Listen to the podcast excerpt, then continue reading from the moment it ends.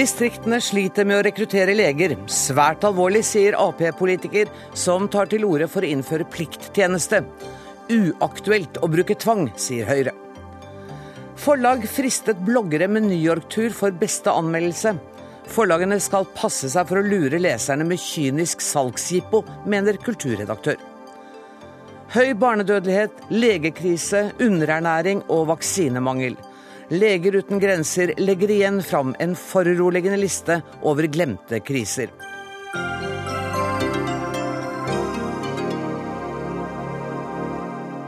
Dette er onsdagens Dagsnytt 18, der vi også skal høre at Venstre foreslår et ekstra skoleår for de aller svakeste elevene. Men aller først. Oslo tingrett har frifunnet de tiltalte i TransOcean-saken på alle punkter.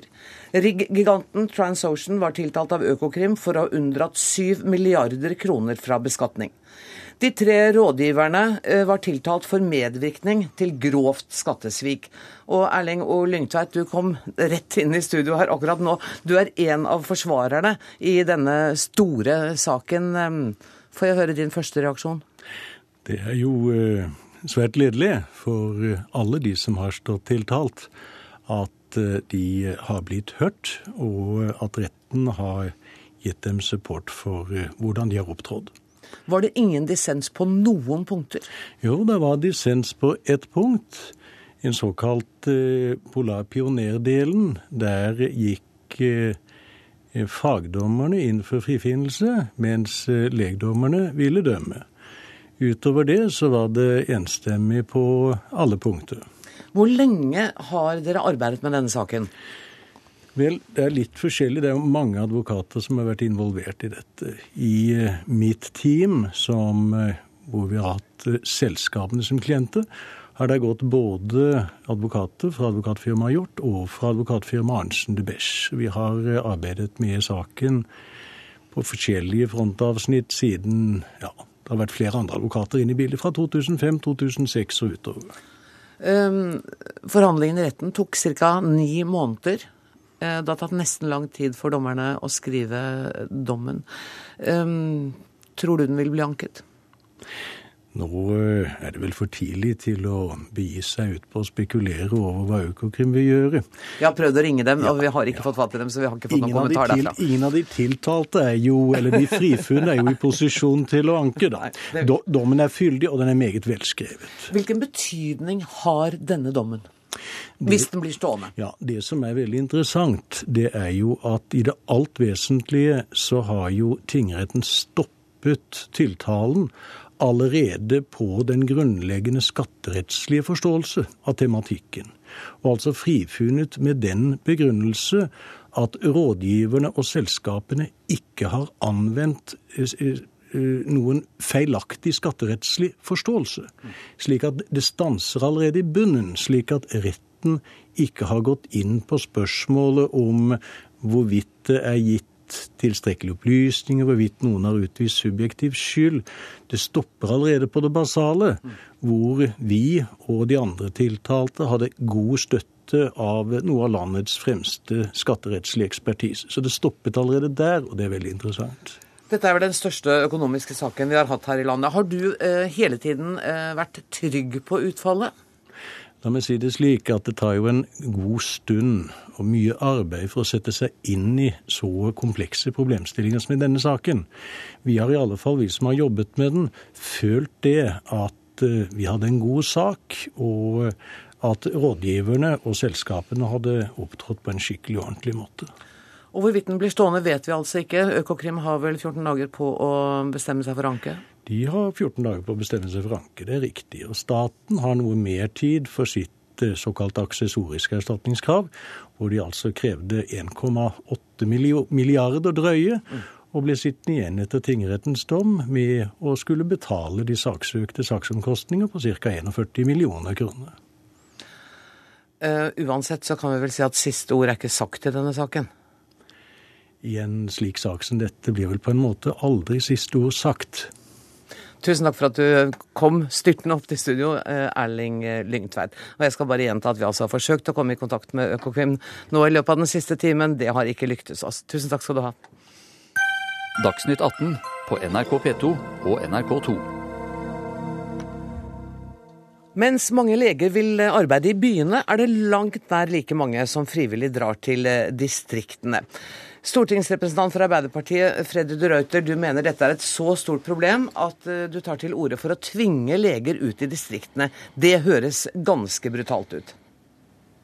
Ja, Det er relativt brutalt. og det er klart at Tvang er siste utvei. Men eh, hvis vi skal sette pasienten i sentrum, og hvis vi skal ha likeverdige tjenester over hele landet, eh, helsetjenester, så må en kanskje se på litt utradisjonelle virkemidler. Men jeg håper jo at en, at en slipper å bruke sånne virkemidler. Men det er klart når enkeltkommuner f.eks. har brukt 33 eh, vikarleger i en eh, tidsperiode på to år, eh, og småkommuner betaler skjorta av seg for å, å, å ansette eller hyre inn vikarleger, så er det klart at da er det grunn til å kanskje være litt hardere i klypa og eh, se på om ikke en må, må, ty til harde virkemidler. Men det er ikke noe ønske fra min side. Jeg tenker Vi må ha en prosess på dette. Men vi må sikre pasienten i sentrum. Vi må sikre likeverdige helsetjenester uansett hvor du bor hen i landet. Og det da, er mitt poeng. Da skal vi høre med en eh, ordfører, en fungerende ordfører som har kjent dette på kroppen. Laura Seltveit, du er fungerende ordfører i Sauda for Arbeiderpartiet. Kommunen har 4700 innbyggere. Um, hvordan har situasjonen vært hos dere? Ja, For å si det først, da, så i dag har vi, er vi godt på vei til å få dekka opp slik at vi har full, full legetjeneste med unge, dyktige leger som velger, har valgt å, å, reise hit av ulike grunner. Og Det er bra.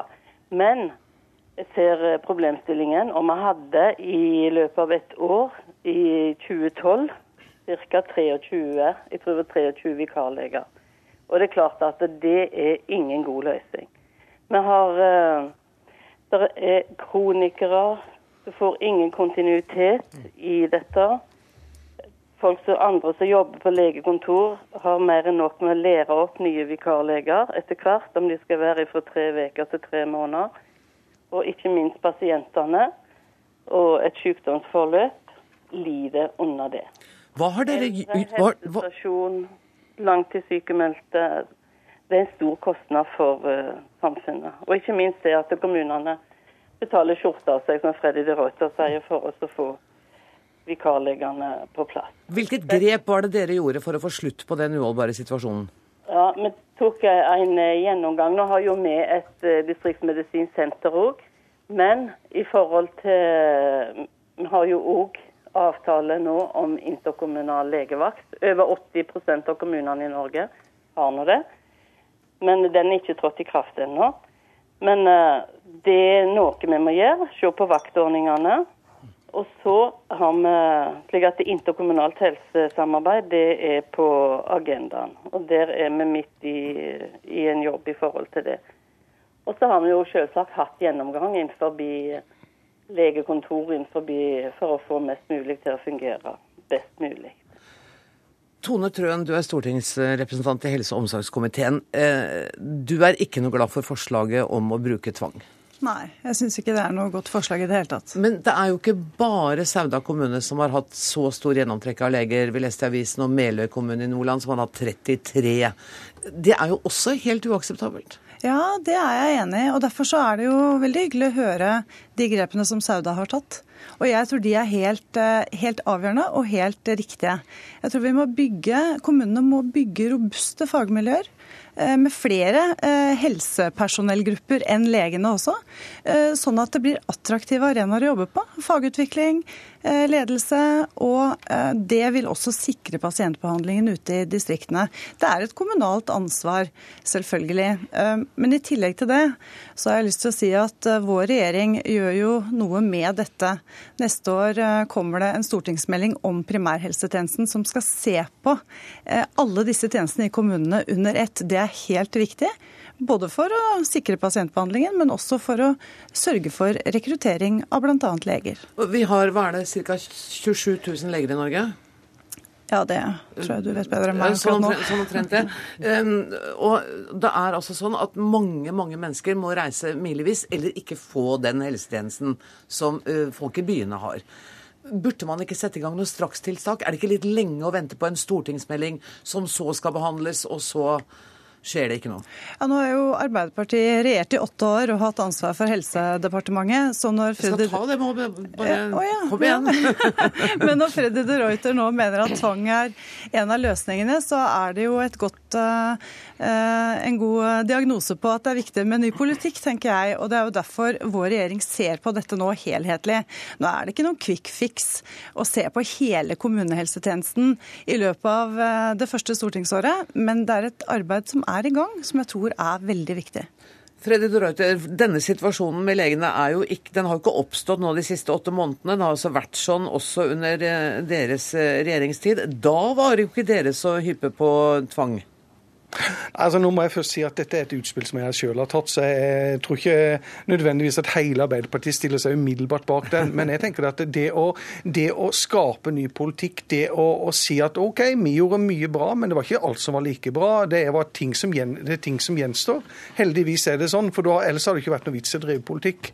Eh, så jeg erkjenner selvfølgelig det at det var ting som ikke, som ikke var 100 med den norske velferdsstaten etter at vi eh, trådte ut av regjeringskontorene. Det det betyr ikke at ikke vi kan eh, være med og tenke høyt om hvilke grep vi skal gjøre for å f.eks. få likeverdige helsetjenester i Norge. Robert Burman, du er lege og har arbeidet med rekrutteringsspørsmål i Legeforeningen. Du er vel heller på linje med Høyre her, som sier at dette ikke vil fungere?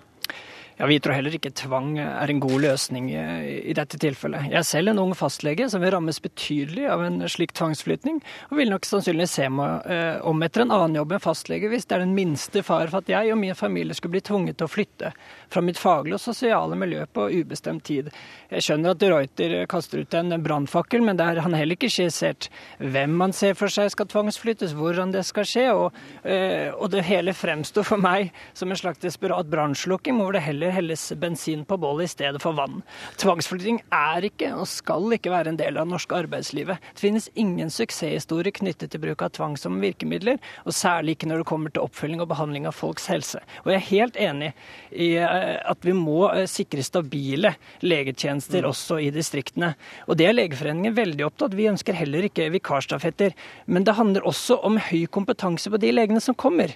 Og da klarer ikke vi å se på det og, tvinge sannsynligvis de ferske ferskeste legene ut i kommunene, og bytte ut da den laveste kompetansen på de ferskeste legene eh, ut med i forhold til de vikarene som vi har i dag. Dette her er rett og slett veldig lite gjennomtenkt forslag. Hvilken, men hva syns du da? Hva anbefaler du av tiltak? Og dette jobber vi mye med, og, det har vist at det finnes mye forskning også i Norge. Eh, blant annet så har vi et nasjonalt senter for distriktsmedisin som jobber mye med hvilke tiltak vi kan gjøre. Og Et eksempel er jo det Sauda allerede peker på. Jeg syns det er fantastisk godt å høre at de har lykkes med å få en mer stabil legedekning. Og Et av hovedpunktene her er f.eks.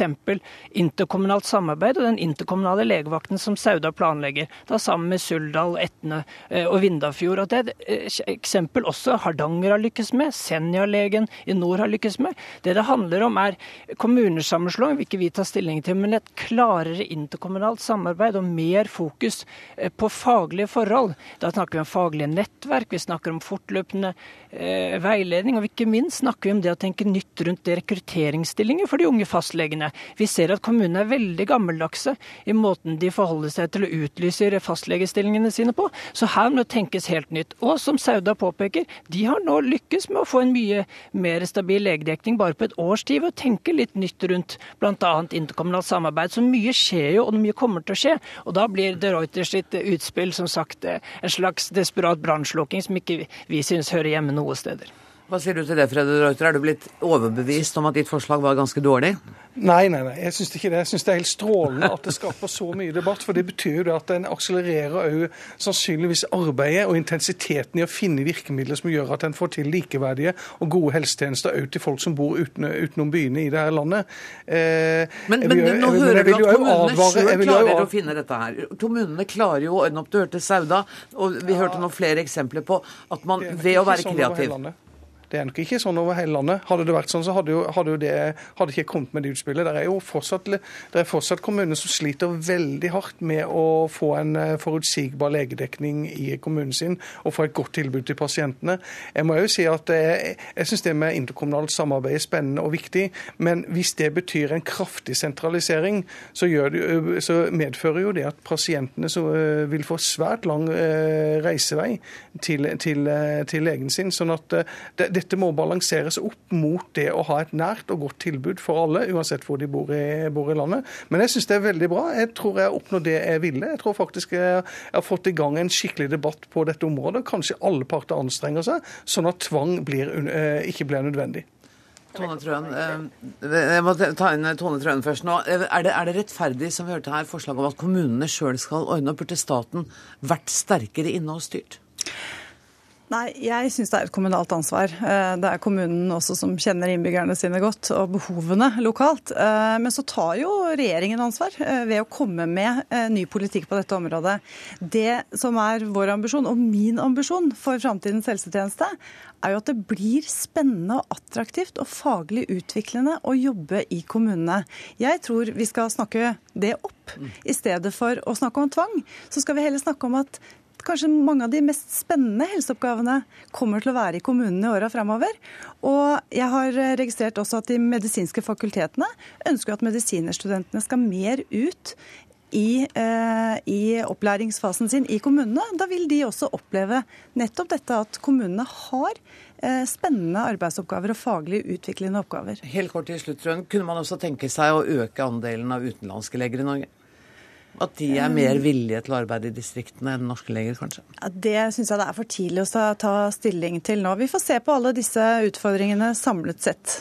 Tusen takk for at dere var med i Dagsnytt 18. Freddy de Reuter, eh, Laura Seltveit, Tone Trøen og Robert Burman. Dagsnytt 18 alle hverdager klokka 18. På NRK P2 og NRK2.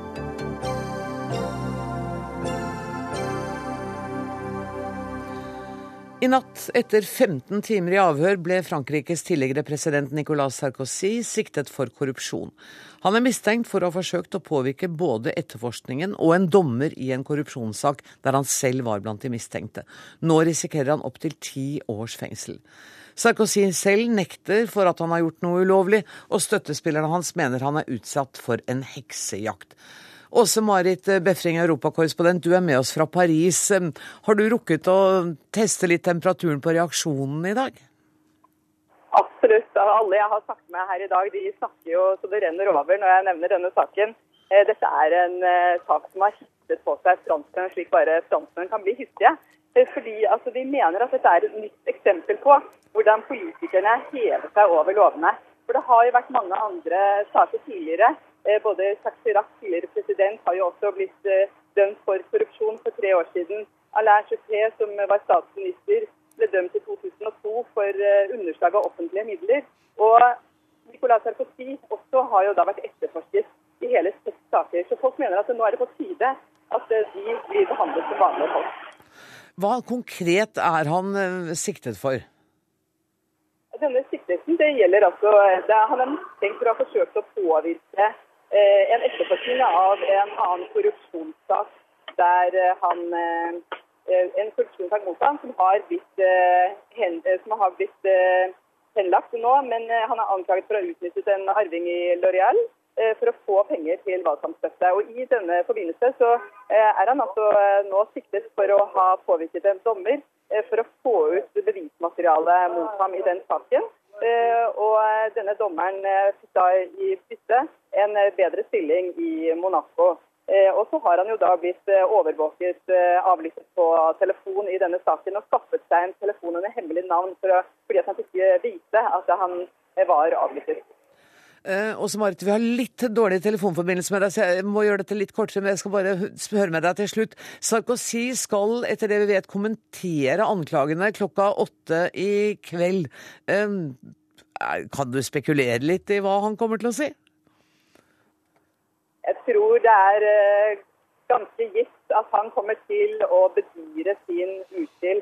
Dette TV-opptaket er allerede gjort. Eh, han har fått lov til å snakke om hvordan han har opplevd det siste døgnet. Eh, og han kommer nok til å fremstå stille seg selv som et offer i kveld på TV. Takk skal du ha, Åse Marit Befring fra Paris. Raino Malnes, du er professor i statsvitenskap ved Universitetet i Oslo. Er du overrasket over siktelsen mot Sarkozy? Vel, det har vært veldig mange saker har, hvor det har vært kastet en dyp skygge over han. Ingen av sakene har hittil ført så langt som denne siste saken. Eh, overrasket eller ikke overrasket, man bør jo holde på det prinsippet at eh, alle er uskyldige inntil det motsatte er bevisst. Men Sarkozy har mer enn de fleste franske politikere vært eh, under mistanke for både det ene og det andre. og Det er dels ganske alvorlige saker. Hvilke ringvirkninger kan en slik sak få for fransk politikk? Vel, I første omgang så vil det jo ha mye å si for Sarkozys eh, forsøk på å bli eh, leder for det moderate høyrepartiet, altså UMP. De skal velge ny leder i november. Og i neste omgang partiets valg eh, presidentkandidat i 2017. Hvis denne saken fører frem til en dom, så er jo Sarkozys fremtid i fransk politikk vel ja, Da har han ingen fremtid i fransk politikk. Hvis han kommer helskinnet fra det, så vil han jo snarere komme styrket fra saken. En mellomting der det hele blir liggende og, og vare ved. og og det ikke blir noen endelig avgjørelse. Eh, om det vil styrke eller svekke ham, det er sannelig ikke godt å si. Altså, han er en politiker som har sterke fiender, og, men like svorne tilhengere. Han er en polariserende politiker og har i og for seg også langt på vei bygget opp sin politiske karriere på det at han nettopp er i stand til å uh, skape konflikt rundt seg. Og han har vel mer enn antydet at han ønsker å øh, bli president igjen i 2017? Mer enn antydet, ja. Selv om han ikke med rene ord har sagt at han vil det. Men og, øh, det er vel nokså vanlig å mene at det er to seriøse kandidater for øyeblikket. Det er eh, Sarkozy, og så er det ordføreren i Bordeaux, altså Alain Juppé. Og de står for veldig forskjellige politiske linjer. Sarkozy er den i UMP som har gått lengst i retning av å åpne partiet for, eh, om ikke samarbeid, så iallfall ikke, ikke det motsatte i forhold til Nasjonal Front. Mens Juppé mer er en tilhenger av den uh, tradisjonelle tverrpolitiske alliansen som går ut på å holde Nasjonal Front utenfor nasjonalforsamlingen og andre regionale og kommunale forsamlinger. Så uh, altså Det har veldig mye å si om Sarkozy greier eller ikke greier å lede partiet. har veldig mye å si for den rollen Nasjonal Front kommer til å spille i fransk politikk i årene fremover. Du, Sarkozys eh, partifeller og tilhengere eh, mener jo at hele saken er politisk motivert, og at han rett og slett er utsatt for en heksejakt. Eh, hvor, hvor, sannsynlig virker det etter det vi nå vet? Altså det, det, som konkret er sagt, er at en av dommerne eh, skal har tidligere uttalt seg veldig kritisk mot Sarkozy, og hun skal også ha vært eh, medlem av en, en, fagforening som har sosialistiske sympatier. Det ser ikke ut som det er så veldig mye i de beskyldningene. Foreløpig er det vel eh, ikke mer enn bare et mottrekk som det er naturlig at Sarkozys venner bruker, og så forsøke å kaste beskyldninger tilbake mot dem som retter beskyldningene mot Sarkozy. Men altså igjen, man kan si som så at noe av det mest interessante med denne saken er jo det lys den kaster over dommerstanden i, i Frankrike. Eh, en ting er at Sarkozy kan ha begått ulovligheter. Nesten verre er det jo om, om, det er slik at folk som er høyt plassert i det franske rettssystemet, har vært med på å la seg eh, bestikke. Altså. Men som sagt, vi vet jo ingenting. Dette er fortsatt bare beskyldninger. Mm. Og vi kommer til å høre mer om dette. Tusen takk, Raino Malnes, professor i statsvitenskap ved Universitetet i Oslo.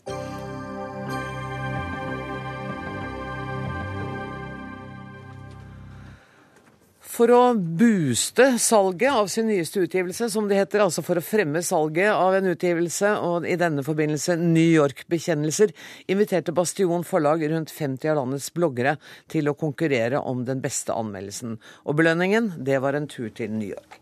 Anja Marheim, du er forlagssjef i Bastion forlag, som gir ut boka New York-bekjennelser. Premien skulle gå til den beste anmeldelsen. Angrer dere bitte lite grann på den formuleringen? Ja, altså Akkurat nei, ordet beste anmeldelse, den beklager vi litt. Ja. Eh, vi ser at det kunne vært eh, mye bedre formulert. Eh, men målet vårt har selvfølgelig vært egentlig å bare få en konkurranse hvor den mest velskrevne og engasjerende bloggteksten om New York-bekjennelser Hvis jeg hadde skrevet en glimrende bloggtekst og mm. slakta boka, hvor stor hadde sjansen min vært for å vinne den turen? Nei, vi legger til grunn at det hadde vært akkurat like mye sannsynlighet som alle de andre. Ærlig talt. Helt ærlig talt. Ok.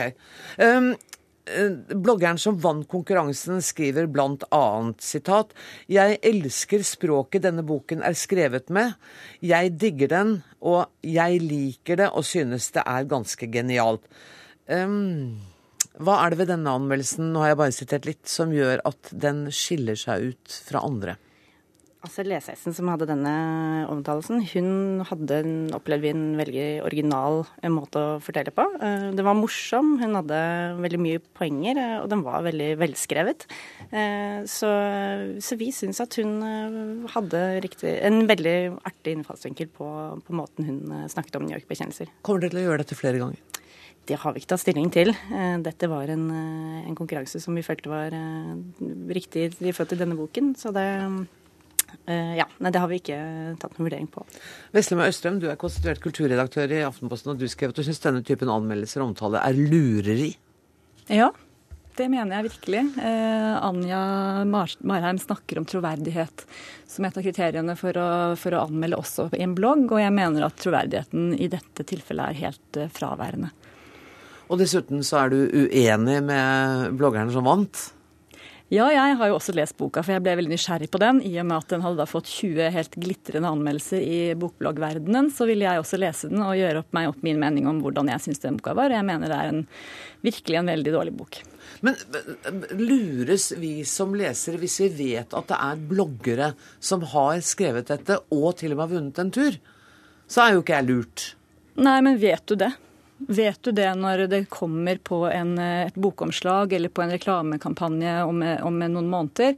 Eh, da vet vi jo ikke det lenger. Da kan det være en anonym blogger, det kan være en eh, bokhandel ansatt med fornavn. Det kan være egentlig hvem som helst som skal få lov å anmelde og anbefale bøker. og Det, det er for så vidt i, i seg sjøl fint at, at, bokuniverset er stort og mangfoldig, men troverdig er det ikke nødvendigvis. Men, men den virkeligheten du beskriver, den er der jo allerede. Med at når du går inn i en bokhandel, så, så, får du anbefalinger fra de som jobber der, fra bloggere, fra Hva er det dere hisser dere oppover? Det er jo ikke bare deg som er sur på dette. Troverdighetsproblematikken er viktig. Altså, vi, vi, lever i en, i en sfære hvor, eh, hvor, det er troverdigheten som er det helt avgjørende. Og jeg opplever at blogg, bloggsfæren, som, eh, som Anja sier, de drives av insentiver. Eh, jeg tenker at en, en å bruke bruke denne form for markedsføring, betyr at leseren ikke lenger kan helt vite hvem de skal stole på, hvilken rolle de skal ha, se etter. Og Det er jo et poeng. Vi vet jo ikke helt hvem disse er. Nei, men for oss har det vært veldig viktig at eh, bloggerne har opplyst at de har vært med i en konkurranse, og det har de vært veldig redelige på. Eh, så for oss så vi, vi berømmer jo disse bloggerne for dette. Og eh, så lenge de er åpne om dette, så mener vi at bloggerne er troverdige. Men vil dere heller ikke bruke, bruke sitater fra dem på omslaget til boken f.eks.? Nei, det har vi ikke tatt stilling til ennå. Men det er ikke utelukket? Ikke, vi har ikke tatt stilling til det, men vårt mål har jo vært å møte leserne der de er. I dette tilfellet så følte vi at eh, det var eh, Vi kunne nå ut til de eh, bl.a. gjennom blogger. Og, og, møte flere lesegrupper enn det vi kanskje gjør. Men hva tenker du er integritet? Du sier at bloggerne har integritet. Hvordan, hvordan definerer du det? Nei, jeg tenker at de har integritet så lenge de er åpne om dette. Og nå er det sånn at de som følger bloggere, de har jo gjerne ofte Enten identifiserer seg de med, med, bloggerne, eller så har de like interesser. Og eh, her er det en viktig kontrakt mellom leser og, og blogger. Eh, og jeg tror at begge parter er veldig opptatt av integritet. Eh, så man blir ikke påvirket av det faktum at man vinner en reise hvis man skriver en positiv blogg? Jeg tror at bloggerne er i stand til å gjøre sine egne vurderinger av denne boka, selv om de eventuelt også kan vinne en tur til, til, om, ja, til New York ved å skrive om det. Men dette med hvem vi skal stole på som lesere, det, er en bloggsfære der ute som er kanskje enda større enn en anmeldersfære, sannsynligvis mye større. Føler dere dere litt truet av dette? Nei, det gjør vi ikke, fordi jeg tenker at vi har hver vår rolle. Men jeg føler at forlagene uh, pusher grensene uh, og bruker på en måte bloggerne litt som litteraturkritikere. Uh, uten at, den, uh, uten at bloggerne sjøl har bedt om å holde, forholde seg til en Vær varsom-plakat, en tekstreklamplakat, sånn som uh, journalister gjør i, i dagspressen. Men det er også bokbloggere som mener at de på en måte bør være medlem, kunne være medlem av Kritikerlauget, at, at burde, de grensene burde viskes ut enda mer. Ja, Nå åpner Presseforbundet opp for at bloggere kan melde seg dit. Mm. Det har i dag eh, allerede skjedd. Altså, det er to, to, bloggere som allerede nå har bedt om medlemskap i Presseforbundet, og betale, må da betale en medlemsavgift. Nettopp fordi de ønsker å fortelle at de er en seriøs blogger. Og jeg tenker vel at bloggere som opp som er opptatt av sin troverdighet, kanskje bør ha en slags merking, eller, eller fortelle litt mer om hvordan de opererer og hvordan de jobber. Men hvordan skal du gjøre det? Jeg vet ikke om kritikerlaget per i dag har tenkt at de skal åpne opp for en slags klubb, men hva med en bloggplakat? Hva med en, en, en, form for merking hvor de er tydeligere på hvilke føringer som ligger bak? Nå, nå er det til og med anonym blogger som har vunnet denne konkurransen. Det betyr at vi vet ingenting om hvilke bindinger hun har. Hun kan være ansatt i forlaget for den saks skyld. Hun kan være ansatt ja, hun kan ha, Det kan være hvem som helst. det, det kan være en mann? Det kan til og med være en mann. det er jo et problem at, at vi ikke vet hvem, og at, at, man ikke vet hvilken tilknytning vedkommende har til salgsprosessen. Det må jo dere også se. Det kan vi se. Men jeg, igjen så syns jeg at så lenge de er tydelige uh, og redelige på at de har vært med i en konkurranse, sånn som det i dette tilfellet har vært uh, Vinneren har skrevet det tydelig at 'jeg har vært med her'. Uh, det har ikke påvirket min anmeldelse. Så syns jeg det er nettopp det my, Går mye på det du etterlyser. Men jeg tenker jo en ting, og det er at dere har lesere å forholde dere til. Jeg opplever at forlagene nå pusher grensa si og, og, er mer opptatt av leseren som kunde enn som leser. Men da vil jeg bare si at for det første, altså jeg syns det er en litt relevant uh, forhistorie om MRT sin jaktbekjennelser. Uh, dette er en bok som første gang ble gitt ut i USA, nettopp begynte liv på nett og ble en stor eh, blogg, eller et stort bloggfenomen. Og derifra så vokste det til å bli en internasjonal bestselger. Og eh, når vi i dag utgir New Yorks bekjent på norsk, så hadde vi også lyst til å prøve å nå ut til leserne våre på andre plattformer enn de mer tradisjonelle og etablerte kanalene, sånn som Aftenposten her representerer. Eh, og vi, eh, vi, vet at dette er en bok som kommer til å nå ut til mange, mange lesere, eh, og som mange norske lesere kommer til å ha stor glede av. Og... Sier du. Anja Marheim, som er forlagssjef, mener det. Eh, Veslemøy Østrem sier at det er en møkkabok, men jeg må ende med å takke dere for at dere kom til Dagsnytt 18. Tusen takk.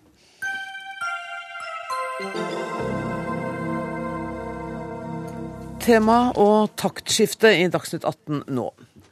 Noen kriser får mye oppmerksomhet, mens andre blir helt glemt. Det til tross for at tusenvis av barn dør pga. manglende helsevesen, dårlig hygiene, sykdommer det finnes behandling for og underernæring. Morten Rostrup, lege og feltarbeider i Lege uten grenser. I dag la dere igjen fram en liste over ti glemte humanitære kriser. Nå har dere gjort dette, Hvor mange år har dere holdt på med det? Altså nå, Den siste runden vi har hatt, dette er fjerde gang nå. Vi har gjort også en god del før før det, men vi begynte på igjen for fire og, år siden. Og for å si det sånn, um, det er ikke blitt mye bedre? Nei, altså vi, eh, vi er kanskje litt naive i den, eh, i, i, den, i den forbindelse, men vi tror jo at det hjelper noe. Vi ser jo det når vi har denne listen presentert. Så ser vi at det iallfall er et blaff som varer noe lenger i medieoppmerksomhet etter at vi har hatt eh, denne, denne kampanjen eller lanserte. Og vi følger jo også disse krisene gjennom hele neste altså halve år mm. for å prøve å pushe på. Dette er viktig. Jeg har sett på den listen, ja. og den omfatter jo absolutt alt av menneskelig lidelse. Det er mye eh, lidelse her, ja. ja. Så jeg tenkte vi kunne se litt på det som er knyttet til barn, spesielt, ja. hvis det er greit for deg. For det gjelder jo blant annet det første punktet på lista di, Tsjad. Ja. Eh, hvor det er altså Hvordan var det? Hvert femte barn Hvert, eh, hvert sjette barn dør før de fyller fem år.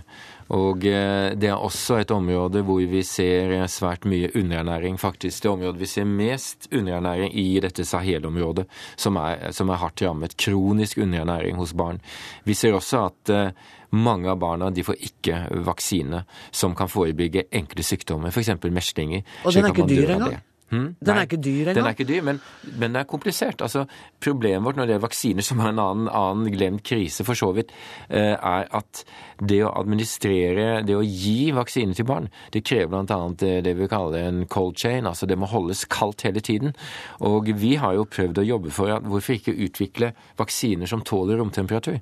Det er mye enklere å gi til barn. Kanskje utvikle vaksiner man kan ta gjennom munnen og ikke, ikke, ikke få sprøyter.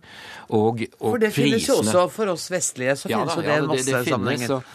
Men, men, du kan si at veldig mye av vaksinene er utviklet også på en måte med en referanse i Vesten, hvor vi har kjøleskap, hvor vi har god logistikk. Og det har vi ikke der. Pluss at den nye pneumokokkvaksinen, som er da mot lungebetennelse, som tar livet av hundretusenvis av barn hvert år, den er blitt veldig dyr å bruke. Og det er også et problem for oss. Har du vært i Tsjad? Jeg har vært i Tsjad.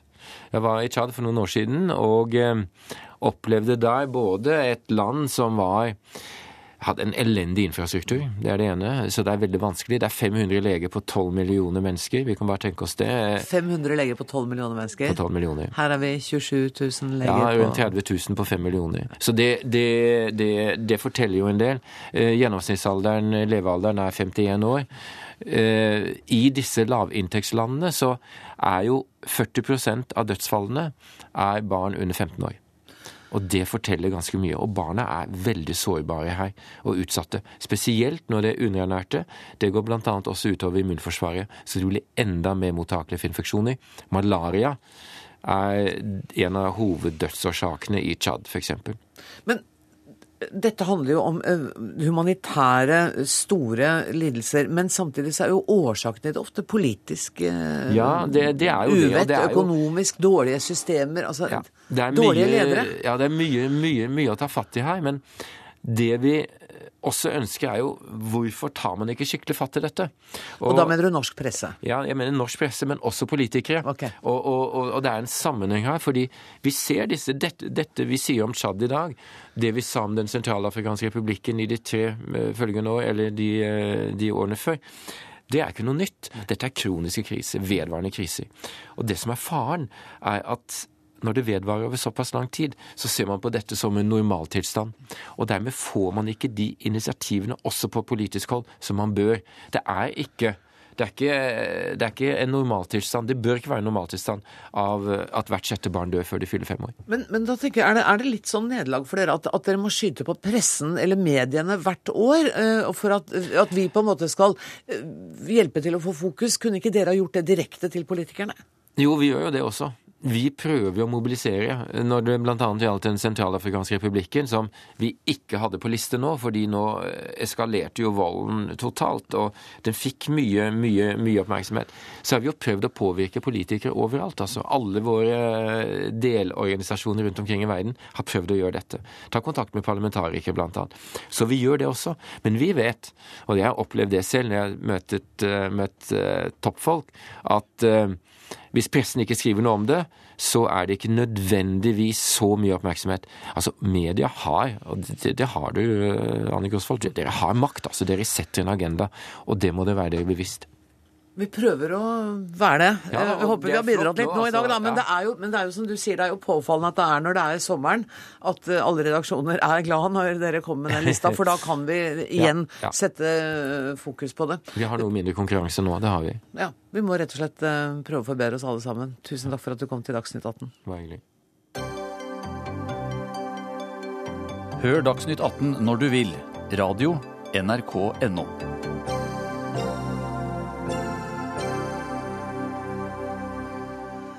Venstre vil innføre et prøveprosjekt med frivillig skoleår for svake elever. En av ti av elevene som gikk ut av grunnskolen i fjor, hadde karakteren én eller ikke vurdert.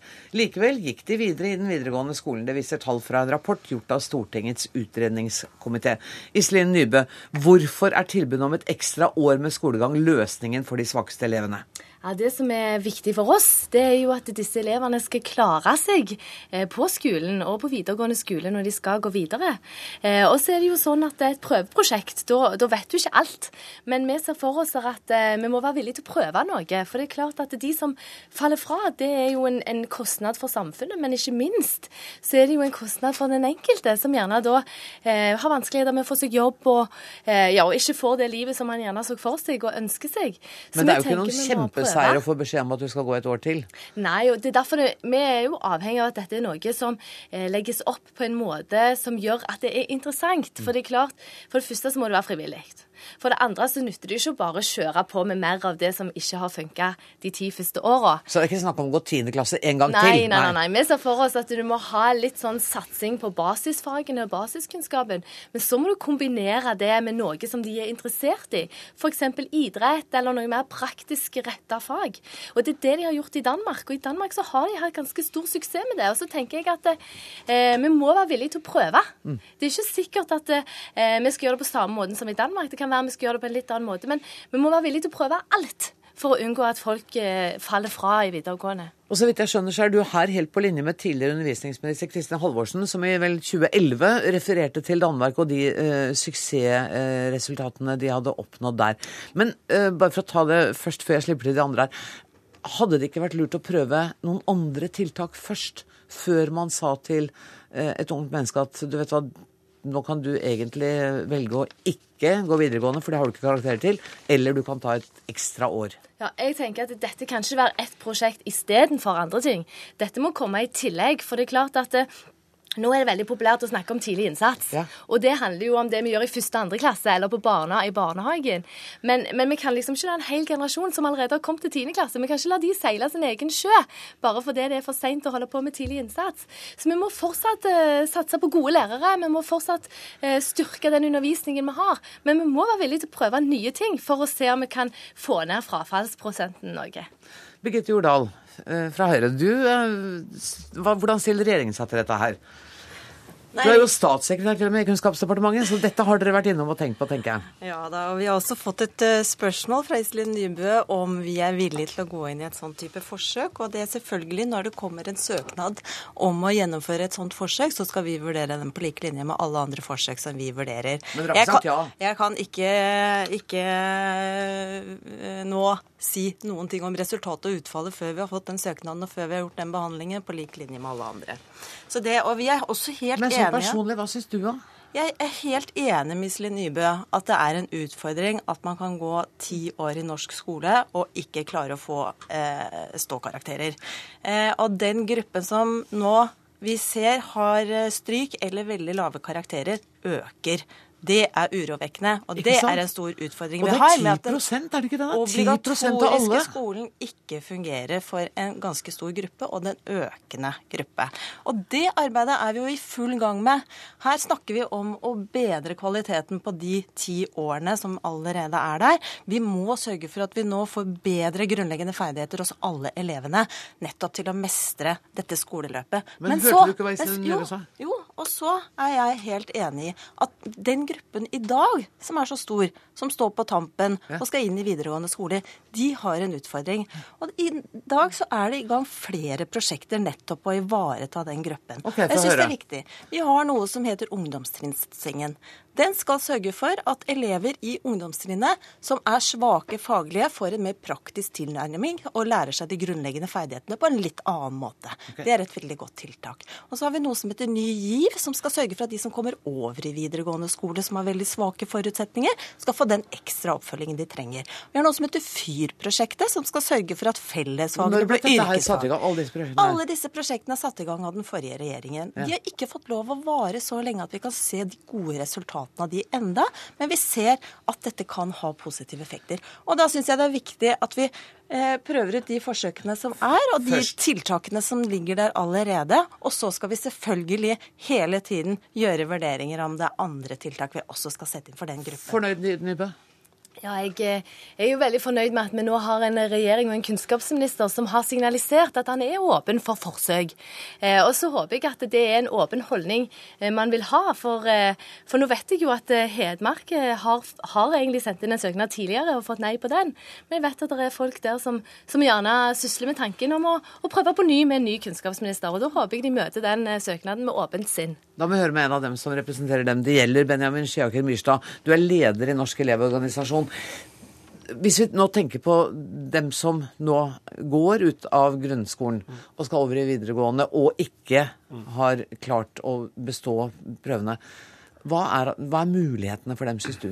Nei, det, det, er klart det er en veldig, veldig stor utfordring. Eh, og, og, det er som du sier, det er mange som, som står der i dag og, og gjerne skulle hatt et, et, prosjekt som var der i dag. En prøveprosjekt som det her vil jo, ikke, vil jo, ikke, være der i dag, men da har vi mange av de prosjektene som ble snakket om eh, fra min høyre side her. Eh, men så er det også viktig her å tenke litt på, altså, hvis vi skal snakke litt om, om forslaget, da, eh, så har vi eh, en frivillig ordning sånn som det er lagt fram. Hva med de elevene som ikke har lyst til å være med der? Eh, hvis du har, Mange av disse elevene her er allerede skoleleie. Eh, hvorfor skal de si ja til å bli med på ett skoleår til?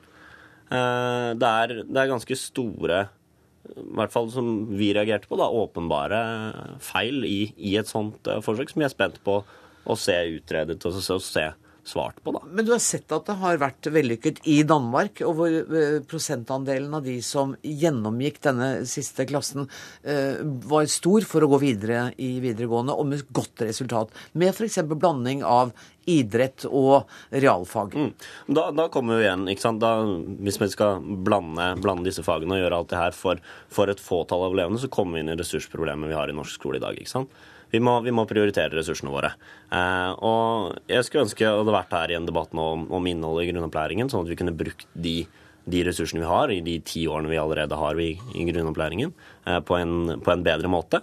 Eh, for her er det snakk vi har klasser nå med, med opptil 30 elever i en klasse. Og så skal du da trekke ut den læreren som skal gi tilpasset, spesielt tilpasset opplæring til hva da, 10-15 elever til. Eh, og vi, vi, ser ikke at de ressursene er her i dag, da. Men det, kan man redusere dette til et rent ressursspørsmål? Ja, jeg mener Hvis du ser litt stort på det når du ser eh, på ressursene, så er jeg helt sikker på at eh, dette er noe som vi får igjen i andre enden. For jeg har sett regnestykker som sier at hvis du får 100 flere ungdommer i hvert kull over i jobb, så sparer du noe sånn som 40 millioner i 42 år. Sånn at når vi snakker om ressurser, så forstår jeg hva du mener, for vi må liksom ha de pengene her og nå. Men eh, framover, det å få folk gjennom videregående skole, det å få folk i jobb, det er en enorm samfunnsbesvarelse. Men det aller viktigste er jo at de ungdommene det gjelder, får det bedre. Og det er det ingen prislapp på. Vi, har, vi trenger å ha pengene her og nå, men vi trenger også å ha lærerne her og nå. Vi trenger å ha de tidsressursene her og nå. Vi har allerede et problem med for få lærere i, i norsk skole. Og, og, det å gi de enda flere arbeidsoppgaver da, det, det er ikke en, en, løsning som vi ser er god nok. Da vi vil heller eh, heller fokusere mer på de ti årene som, som, disse elevene allerede har gått gjennom. Ja, Men det er jo for seint for disse elevene? Ja, det er klart, men da har vi allerede disse prosjektene som ble satt i gang nå for, uh, av forrige regjering, som har hatt gode resultater så langt. Eh, og vi tror også at de kommer til å ha gode resultater videre. Så Birgitte Jordal, det dere gjør er at dere viderefører alle de prosjektene som du ramsa opp i stad. Men hvis det nå skulle vise seg at dette tallet på 10% av elevene som ikke klarer å få bestått til grunnskolen, hvis det er like høyt eller fortsetter å stige, hva gjør dere da? Nei, skal jo si at Det store arbeidet med å heve kvaliteten på tiårig grunnskole, det tar tid. Ja, Det skjønner jeg. Så det kan vi ikke måle resultater av. Altså, vi er nødt til å kjøre parallelle prosesser. Vi er ja. nødt til å gjøre noe for denne gruppen ja. som faller ut. Og vi skal selvfølgelig skru disse tiltakene våre i tråd med de erfaringene vi gjør oss hele veien. Og vi følger grundig med og godt med, og har uh, følgeevalueringer av alle de som går inn i disse prosjektene. Men kan det hende at uh, det er noe å hente fra Danmark, eller er forslaget med frivillig altså, ekstra skole si, ganske dumt? Ja, altså det, det er ikke så veldig sammenligna Danmark. Det er halvparten av alle danske elever går et tiende skoleår. Det er obligatorisk ni års skole i mm. Danmark eh, i dag. Så de er ett år lavere. Så det er ikke overførbart egentlig til Nei, norske forhold? Nei, det er ikke det. Så dette må nok tilpasses. Eh, og det kommer nok til å bli en veldig liten gruppe hvis jeg leser Iselin Nybøs eh, og Thomas Nordahl sitt eh, forsøk slik det var beskrevet den gang, til å være et veldig begrenset antall. og Dette vil si at det er et veldig sånn spesialpedagogisk tilbud for en helt eh, spesiell gruppe som da er veldig svakt stilt faglig for å gå videre. Og Det kan godt hende at vi skal gjøre noe annet enn det vi gjør i dag, og vi vil gjerne vurdere det. Men å si at vi nå ruller ut et opplegg med et nytt tiårig, eller et nytt ellevte år Det skjer ikke. Eh, det skjer ikke. Nei, da fikk vi ikke den nyheten i Dagsnytt 18. Men dere skal ha hjertelig takk for at dere kom, Iselin Nybø, Benjamin eh, Skiaker Myrstad og Birgitte Jordal.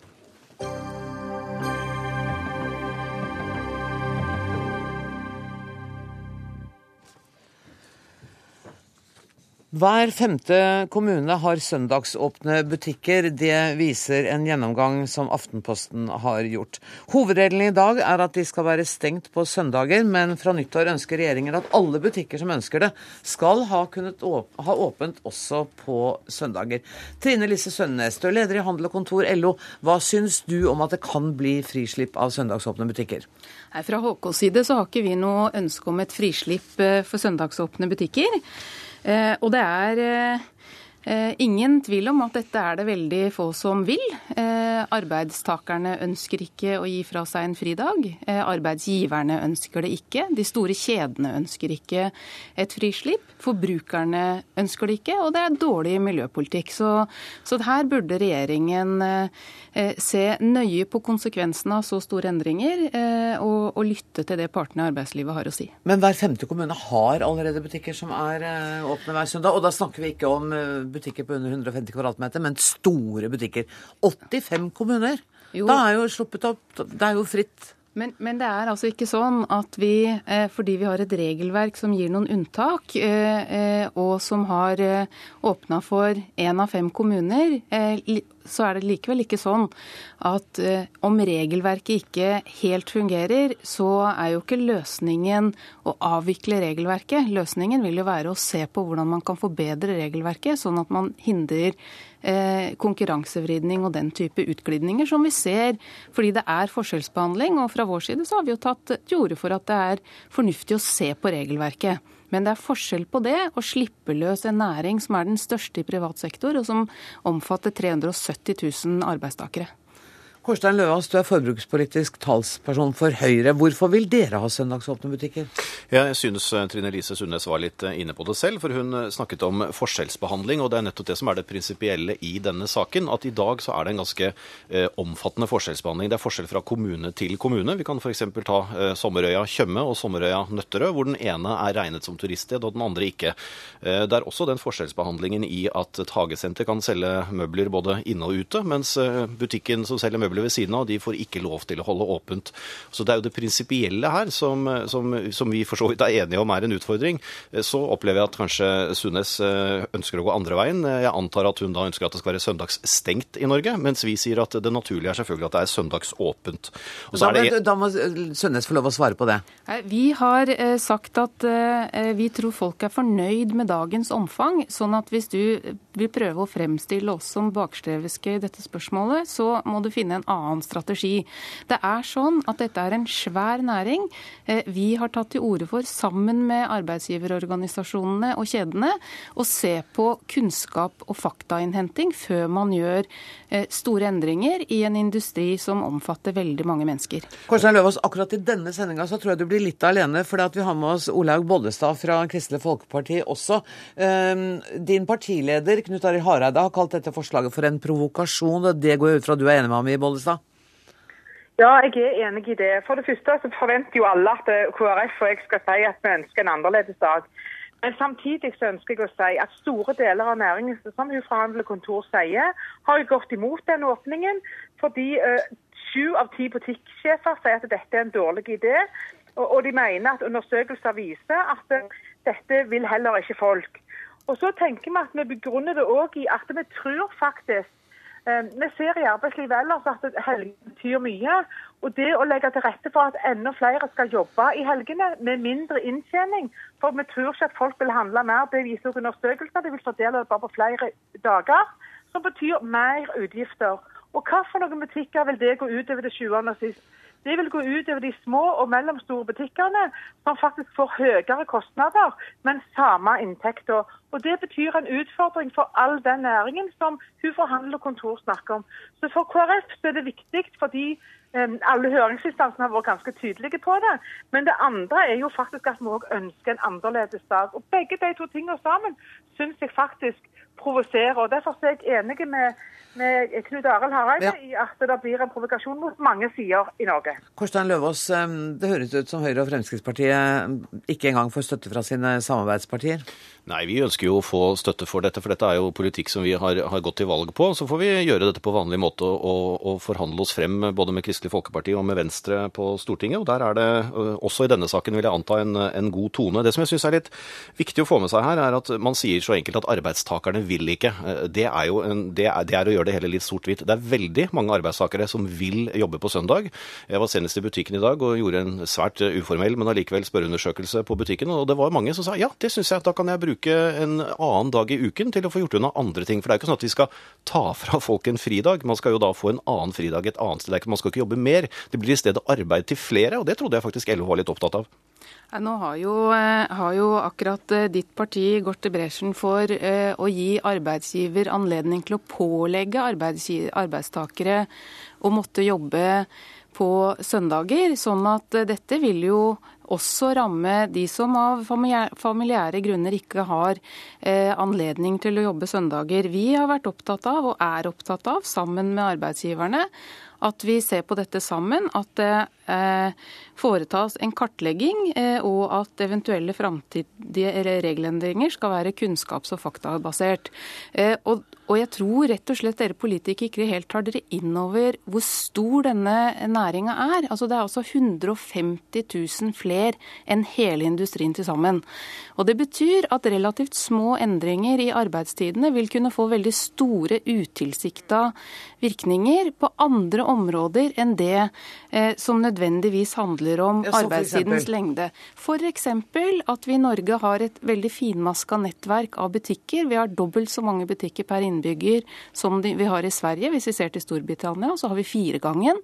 Og det er klart at konkurransen er ekstrem hard. dere vil tvinge fram en konsolidering, hvilket betyr at det rammer Distrikts-Norge. Da får forbrukerne et dårligere tilbud mangfoldet blir borte, og det blir kjøpesentrene og supermarkedene som vil tjene på det. For de små vil ikke ha råd til å holde åpent. Kårstein Løvaas, er det en utvikling dere ser for dere at dere kan leve med? Eh, jeg tror ikke det er det som kommer til å bli utviklingen. Og så er jo Argumentasjonen her er jo, eh, den er til forveksling lik den samme som man hadde på 80-tallet. Da ville jo regjeringen endret åpningstidene den gangen. Og det er ingen som vil tilbake igjen til det systemet vi hadde den gangen, når ting stengte klokken 17. Dette er, dette er en naturlig del av utviklingen. Men jeg har lyst til å understreke det jeg sa innledningsvis, at dette handler om å komme den forskjellsbehandlingen som er der i dag til livs. Og det er også sånn at når man har forbud mot noe, så er det jo fordi man ønsker å beskytte noen fra noe. Og jeg tror strengt tatt ikke vi trenger å bli beskyttet fra søndagsåpne butikker. Så et forbud, det er utdatert. Og vi tror at med, allerede i dag er det en tredel av Norges eh, arbeidstakere som jobber på det som kalles utenfor normal arbeidstid. Det er ikke lenger sånn at det er et 9-4-samfunn, eh, sånn som det var eh, for, for relativt kort tid siden. Så det er mer fleksibilitet. Mange ønsker å jobbe på søndager, og det er en forskjellsbehandling i dag som vi er nødt til å gjøre noe med. Jeg, jeg tror du, du undervurderer den gruppa du nå eh, snakker med. Våre eh, medlemmer jobber annenhver lørdag. Eh, og det at de også skal jobbe eventuelt søndager, vil gjøre det mye mye vanskeligere å ha kvalitetstid sammen med familien. Men, det dette, meg, men dette går jo altså an i en masse andre land. Sverige, Danmark, Storbritannia, Frankrike altså Det går jo an. Jo, De er vel også glad i familien sin, kanskje? Mangfoldet av butikker er mye mindre. Og hvis dette er et, eh, et tilbud regjeringen kommer med for å gjøre det gjøre større tilgjengelighet for forbrukeren, så er det altså feil vei å gå. Eh, I Danmark, hvor de har gjort dette, eh, så sier de jo veldig tydelig at måten å overleve på for de store kjedene og supermarkedene, det er å legge alle kampanjene til søndager, sånn at familiene tvinges til å handle på søndag for å få økonomien til å gå rundt. Det er strengt tatt ikke men, en utvikling men, men, vi ønsker. Jeg blir litt lei meg, for det er hele tiden ord som tvang. Man skal tvinge arbeidstakerne, man skal tvinge forbrukerne. Det er jo ikke det vi skal. Vi skal gjøre, dette er jo helt frivillig. Det er frivillig å åpne butikkene for de som ønsker å gjøre det. Og det er, mange butikker som, det. det er mange butikker som ikke kommer til å gjøre det. Noen bransjer er det helt naturlig og vil få en økt konkurranse. Det er ikke noe galt i det. Andre bransjer vil si at nei, vet du hva, vi holder fortsatt stengt på søndager. Vet du hva, Nå renner tida litt ut for oss, og Olaug Bollestad vet om å få komme igjen fort. Hun er på telefonen, så jeg syns hun skal det. Ja, for jeg, Når han sier at det er, det er, frivillig, så er det faktisk ikke så enkelt. For realiteten blir jo at en føler seg presset til å holde åpent selv om man ikke har gode nok inntekter til å gjøre det. Fordi senter bestemmer det skal være åpent, eller det blir en konkurranse. Det betyr at noen får større utgifter enn inntekter og må legge ned i distrikter, som en blir sagt, eller i kjeder, som det blir sagt. Så KrF har liten tro på at det blir en frivillighet, det blir et press. Kårstein Løvaas, hva, helt kort for ti sekunder, hva er liksom den videre framgangen i dette forslaget fra Høyre nå? Ja, Nå vil vi jobbe knallhardt for å få dette til, sammen med Venstre og KrF. Så vi må forhandle i Stortinget, og vi ønsker at det skal være lik behandling av alle som ønsker å drive handel i Norge. Og det er helt åpenbart at dere får det ikke til sammen med KrF, hvis vi skal tro Olaug Bollestad fra KrF. Men jeg sier takk til dere alle tre. Kårstein Løvaas, Trine Lind Trine Lise Sundnes fra Handel og Kontor. Til helt til slutt så skal jeg bare fortelle at ansvarlig for sendinga i dag har vært Bjørn Atle Gillestad. Det tekniske ansvaret er det Eli Kyrkjebø som har. Jeg heter Anne Grosvold, og vi høres igjen klokka 18 i morgen. Takk for nå.